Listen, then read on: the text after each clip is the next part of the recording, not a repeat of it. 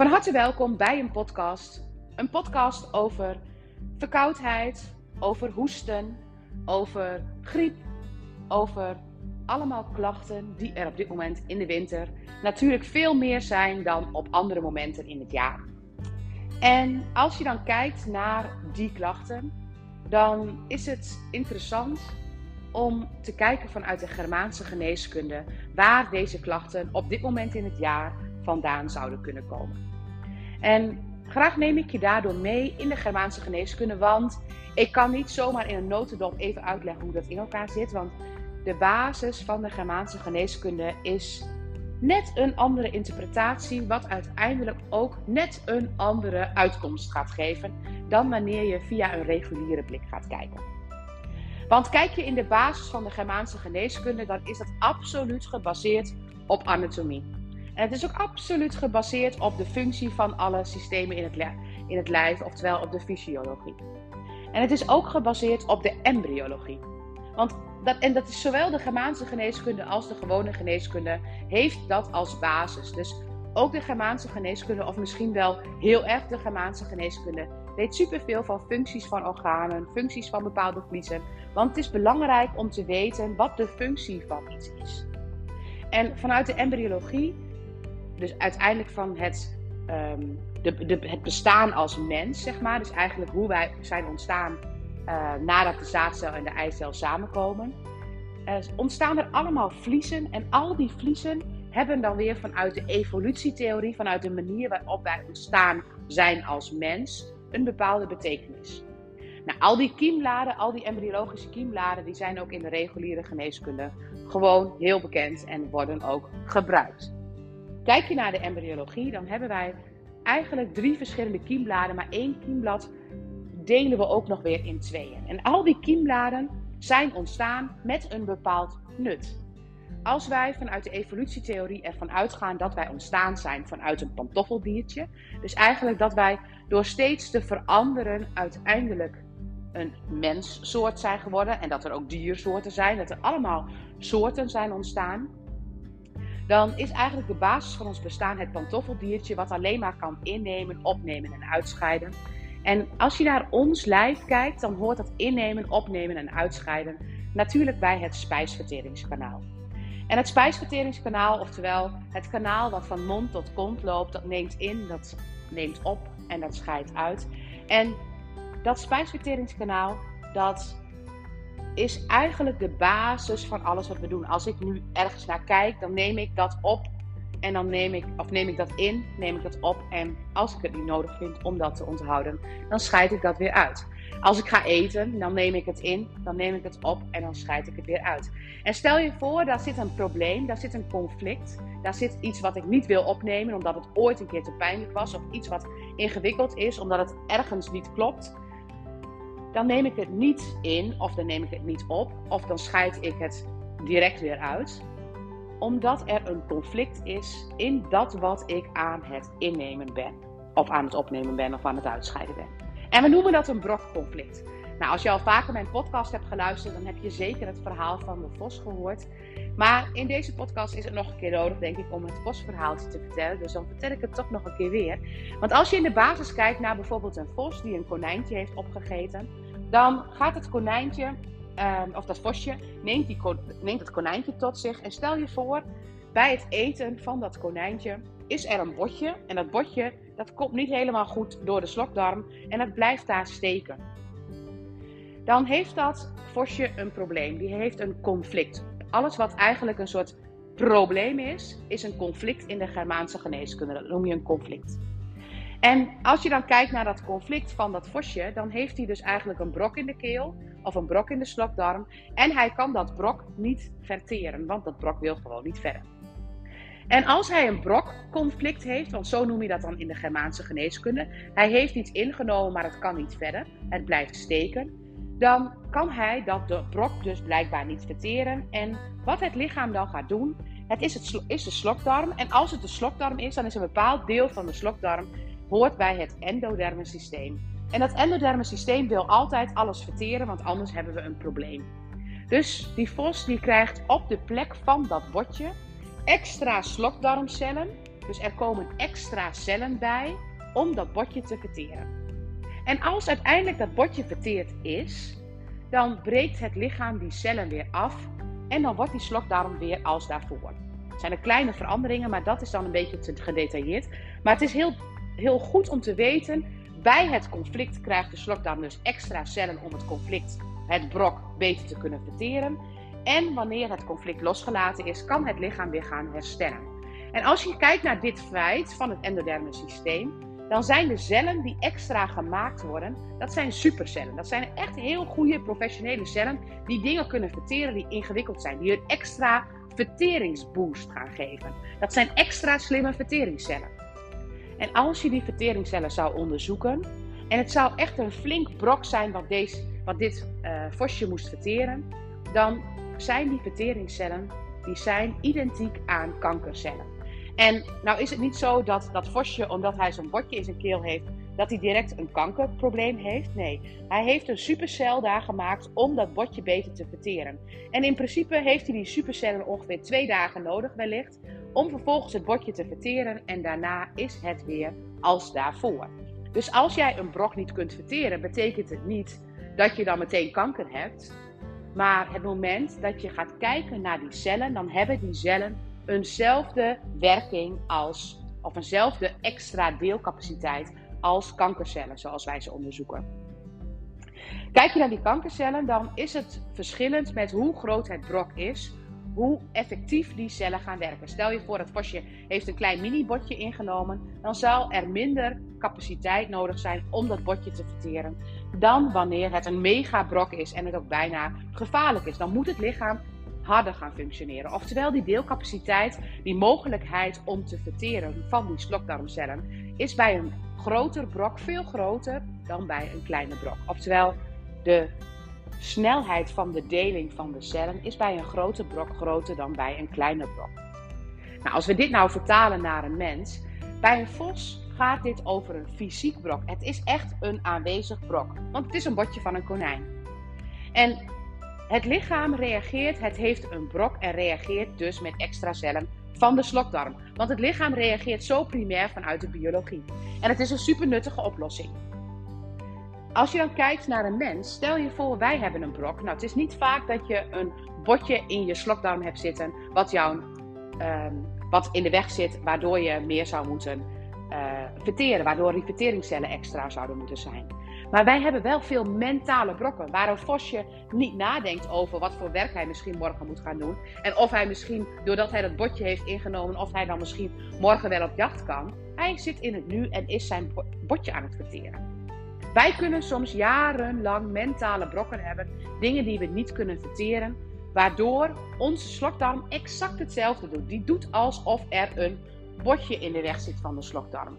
Waardoor die cellen ook aangemaakt worden. Ons brein voelt dat er iets niet verteerd kan worden, iets kan niet verteerd worden, dus het lichaam maakt daar extra cellen aan.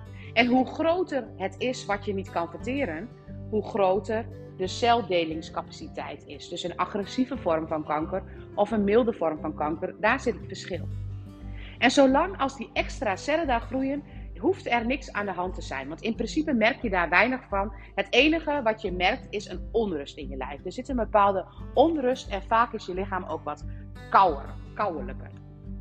En die onrust in dat lijf, die zorgt, eigenlijk is je lichaam gewoon keihard aan het werk om dat brok te verteren.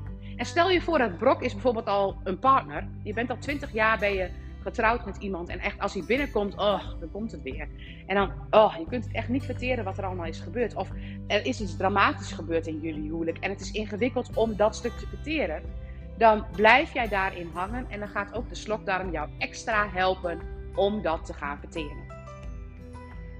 Dan moet je hier niet meteen bang zijn voor kanker, maar het is wel belangrijk om te zien dat dus eigenlijk die cellen die dan aangemaakt worden, dat dat kankercellen zijn als je ze zou onderzoeken. Natuurlijk wel als het een bepaalde impact heeft. Het gaat niet zomaar over, ik kan niet verteren uh, dat ik uh, geen diploma heb gehaald of dat ik uh, boos ben op iemand. Nee, het gaat over iets impactvol en vaak ook iets wat in het systeem is geweest wat echt onverteerbaar was. Als, zolang als eigenlijk die cellen extra zijn, zolang is het lichaam in de orthosympathicus noem je dat. Die zit in een actieve stand. En dan ben je dus wat kouwelijker, wat onrustiger, slaap je soms wat minder. En zo gauw als het conflict is opgelost, oftewel je gaat opeens scheiden van je partner, dan kun je daarna in de conflictoplossing komen. En als het echt een brok was wat je niet zou kunnen verteren, dan zie je bijvoorbeeld een slokdarmkanker ontstaan. Dan kon je dat gewoon niet innemen, je kon het gewoon niet tot je nemen. En een slokdarmkanker, die wordt dan gediagnosticeerd, maar eigenlijk was hij natuurlijk al van tevoren aanwezig. Die cellen waren al aanwezig. En bij het herstel gaat het lichaam um, warmte maken, daar gaat vocht naartoe. Het moet weer opgeruimd worden. En juist dat opruimen, dat geeft lichamelijke klachten. Dat geeft koorts. Dat geeft, ehm, eh, dat geeft warmte in het lijf. Dat geeft eigenlijk alles waardoor je zou kunnen merken dat er iets niet helemaal pluis is. Maar eigenlijk is het wel pluis, het is niet pluis geweest. Want eigenlijk is het in de oplossing en het lichaam moet nu alles gaan opruimen. En stel je voor, het is een brok geweest van jaren en alles moet opgeruimd worden wat er van extra cellen nodig is geweest en wat er aan troep is geweest, zeg maar, van, uh, van die periode. Dan is het best een grote klus om dat op te ruimen en kun je dus ook echt heel ziek worden. En dan hebben wij het medische circuit absoluut nodig om ervan te herstellen. Maar het is een belangrijke weet dat eigenlijk die omschakeling, wanneer ben je ziek geworden, daar zit een conflictoplossing. En dan kun je bij iedereen vinden dat daar iets is wat een kentering heeft gegeven. Nou ja, dat leer ik je bij je lijf en brein zien, bij mijn opleiding, om te gaan zien van hé, hey, maar wat is dan het conflictoplossingsmoment geweest? En hoe kunnen wij de oplossing versnellen? Want als het een mentaal brok is geweest, kunnen wij ook sneller gaan opruimen dan wanneer het ehm, niet bewust is. Nou, een heel verhaal over een vosje. Maar wat ik hiermee wilde zeggen is eigenlijk dat, uh, en nu vertel ik het verhaal van het vosje en meteen van een kankerthema. Maar op het moment dat we naar koorts kijken, dan hoort koorts altijd in de conflictoplossende situatie. Dan hoort eigenlijk slijm altijd in de conflictoplossende situatie. Dan hoort vocht en dik en rood hoort altijd bij de conflictoplossing. En eigenlijk dus het moment dat jij koorts hebt of dat jij hoest, dan ben je dus eigenlijk iets al aan het oplossen. Dan zit je al in de oplossende fase. Dus stel je voor, ik zou nu vreselijk verkouden worden. Dan heb ik eigenlijk een feestje te vieren, want ik ben in de conflictoplossing. Blijkbaar heb ik iets hersteld. Ehm, en ik hoef eigenlijk alleen maar te wachten tot het lichaam daar weer van hersteld is. Want het lichaam, het is al opgelost. Je hoeft niks meer te doen. Maar wat wij als mindfuck hebben, wat wij denken, is dat wij het moment dat we ziek zijn, dat we dat conflict moeten oplossen. Dat ziek zijn het conflict is. Dus als ik dan heel verkouden ben, of als ik heel snotterig ben, dan ben ik, denk ik, of als ik een ontsteking heb, dan denk ik dat ik ziek ben. Terwijl ik eigenlijk voor deze klachten, toen was ik in een periode waar er iets aan de hand was. Nou, kijk je nou bijvoorbeeld naar een virus, of naar een griep, of naar een hoesten. Hoesten, elke keer komt er slijm. Je hoort gewoon steeds slijm. En je het betekent dus eigenlijk, als je net niet helemaal fit bent, dat je een conflict aan het oplossen bent. En het probleem is, als wij vinden dat hoesten niet oké is, dan leggen we een lading op het hoesten, waardoor we een extra conflict maken, waardoor het hoesten heel erg lang kan blijven.